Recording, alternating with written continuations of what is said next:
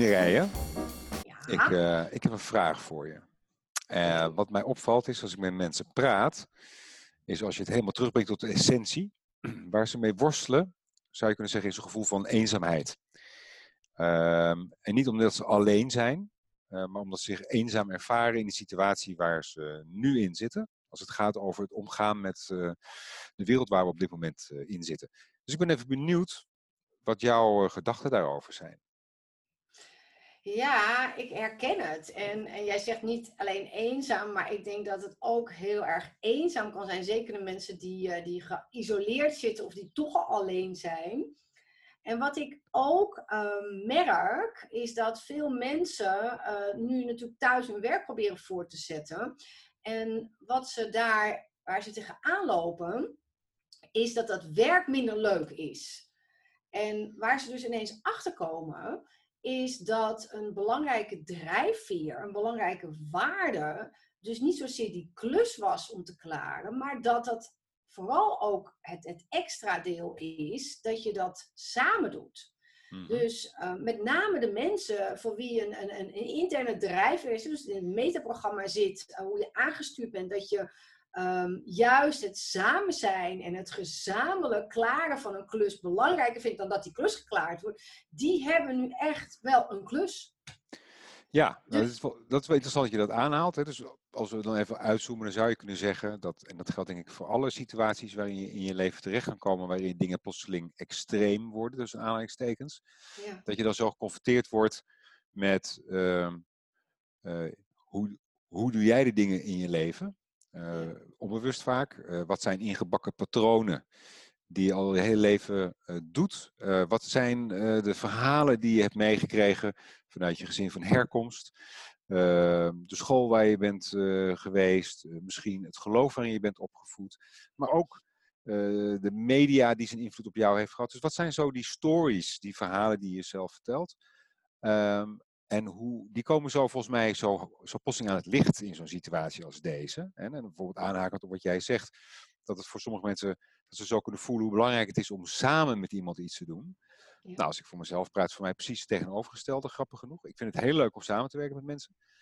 Alleen, ik vind het zo lekker dat ik ook gewoon vooral heel erg alleen ben. En niet eenzaam, maar alleen. Dus ik merk wederom, iets wat ik al heel lang weet, dat ik het heel goed doe alleen zijn. Uh, en is het voor mij helemaal leuk om gewoon zoals nu zo met jou contact te maken over Zoom. En natuurlijk, weet je, hou ik ook van fysiek contact. Vind ik het lekker om af en toe even iemand te huggen. Hè, laat het duidelijk zijn. Dus, ik, ik, dus, dus welke verhalen vertellen mensen zichzelf? Wat, welk verhaal vertel jij jezelf? Welk verhaal vertel ik mezelf? Dat wordt volgens mij, komt dat zo bovendrijven. En wat doe je dan vervolgens als je daar ja. bewust van wordt? Nou ja, weet je, gedragsverandering, er zijn twee componenten. Bewust worden van onbewuste processen. Nou, daar worden we nu enorm mee geconfronteerd. Ik denk dat, dat, dat juist hoe extremer de situatie is, hoe langer die gaat duren, hoe, hoe meer dit soort patronen aan het licht komen. Mm-hmm. En kun je er naar kijken, kun je het zien? Of, het? Uh, of ontken je het nog? Ja. En het tweede is natuurlijk, wat doe je ermee? Want ja, jij zegt, ik doe het heel goed. Maar ik, ik heb echt een enorme interne klus en, en, en ook wel een soort van rouwproces om afscheid te nemen van allerlei feestjes die ik zou hebben. Allemaal leuke festivals, allemaal leuke weekenden. Het feit dat ik moet tellen hoeveel mensen ik mag zien en niet iedereen mag ik uitnodigen. Mhm. Ik vind het echt een mega, mega klus. Zo'n zo, zo, zo Koningsdag gisteren. Was het gisteren of eergisteren alweer? Ja. Dus ik ben echt ontzettend aan het processen met mezelf. Om te zeggen, ja, maar wat kan ik nou doen? Want het is zoals het is. Ja. Dus het gaat ook over accepteren. Ja. Oh ja, die Koningsdag. Dat vond ik altijd een hellbound, weet je dat? elk jaar weer die Koningsdag. En elk jaar weer mensen die dan van tevoren zijn...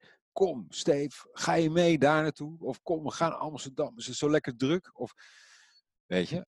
En dat, dat geluid was er dit jaar helemaal niet. Nee. Het was gewoon stil. Zalig. Ja, we dus- zijn zo uh, mooi anders ook allemaal dan meteen. Nee, dat is het ook, hè. En, en, en, en we worden ook zo mooi uitgenodigd uh, om alle onderlinge verschillen te omarmen en daar geen oordeel over te hebben. Ja. Volgens mij gaat daar deze tijd echt over. Hè? Dus dat je jezelf in het snotje hebt en dat je, je eigen verhalen opnieuw ter discussie stelt. Mhm. En dat je de verhalen die je over om je heen hoort, want er is zoveel onzeker, zoveel onduidelijk. Dus de- je hoort de gekste verhalen. En voordat je weet, vind je er wat van dat iemand iets heel anders vindt dan dat jij dat vindt. Ja. Dus we worden enorm, enorm uitgenodigd, ondanks dat we uit elkaar gehouden worden, om toch elkaar op te zoeken. Ja. Op een creatieve manier. Wel samen te werken, weer, weer vervulling en bevrediging te vinden in je werk. Ook al is dat niet om samen de klus te klaar, maar op een creatief andere manier mee om te gaan. Ja. het is uitdagende tijd, hè? Ja, weet je, en wat ik, wat ik ook merk is, ehm, en dat is denk ik ook heel mensen eigen, het is soms zo verleidelijk als, als je met elkaar kan delen eh, eh, over hoe slecht het gaat. Of hoe waardeloos het is. Of wat een tegenslag. Of wat een gedoe. Of wat een ellende. Hè, en dat is een beetje, nou ja, de categorie gedeelde smart is halve smart. Hè, daar, daar gaat hij natuurlijk over. Ehm, ik vind een, mooi Engels woord, de pity party. Weet je wel? We hebben, eh, oh, we hebben weet je, de, de, het- medelijdenfeest. Ehm, heel begrijpelijk, heel menselijk. En de vraag die ik me al zelf stel, is, knap je daar nou werkelijk van op? Ik merk als ik mensen ontmoet die meteen in eh, de, begint te praten over hoe slecht het geregeld is, eh, hoe de, de Nederlandse regering het doet, of hoe dat slecht voor elkaar is, of wat, alle beperkingen die corona met zich meebrengt.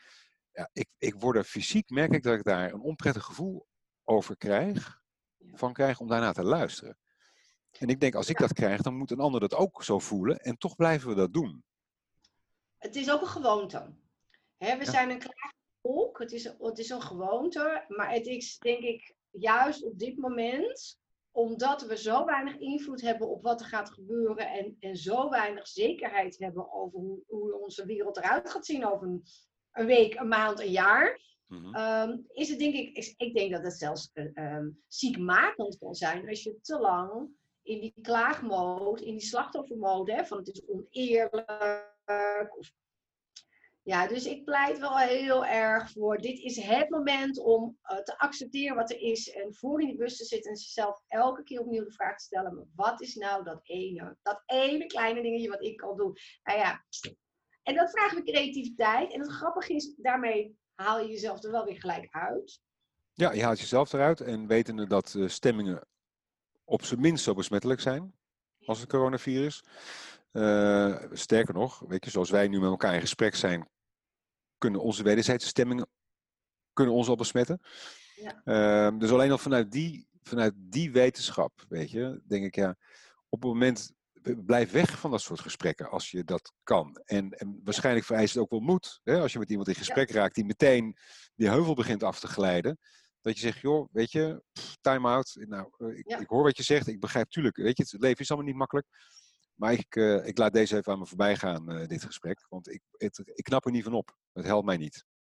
Nou ja, ik, ik merk ook, hè, juist nu in deze tijd, dat ik het zo fijn vind dat ik zo uitgerust ben met al die NLP-tools van herkaderen, over stemming, dat ik er zoveel van af weet en dat ik al zoveel mee geëxperimenteerd heb. Ehm, waardoor ja, je jezelf kan managen en je stemming kan managen. Ja. Ja, en dat is wat ik iedereen gun. Dat is wat ik iedereen gun, dat je dit soort mooie gesprekken kan voeren. En we kunnen nog uren doorgaan, maar volgens mij moeten we eventjes stoppen ergens. En, eh, Mm. en, en volgens mij is dit ook wel een mooie start voor, eh, voor een nieuw volgend gesprek. Op naar het volgende gesprek. En waarover? Oh, dat gaat de tijd leren. Nou, eh, vra- eh, laten we het vragen. Waar, waar wil je wat meer over weten? Wat vind je interessant? Welke vragen heb je? Wij horen heel veel vragen omdat we wekelijks coachen. ehm, en heel veel leiders spreken. Ook veel NLP-leiders spreken. Maar kom maar door. Waar wil je, wat wil je horen? Dat vind ik een leuk idee. En dan, volgens mij zeggen ze dan altijd op een eh, YouTube-channel met 5 miljoen subscribers en eh, 200 miljoen eh, views. Write down in the comments below your questions. So, what is the next question you want to have and give for us for the next time? Zoiets? Dus schrijf het in de, Zoiets. in de opmerking Zoiets. beneden. Ja? Zoiets. Oké. En, eh, en laten we zeggen gewoon eh, tot ziens online. Zo snel Tot ziens mogelijk. online. Yes.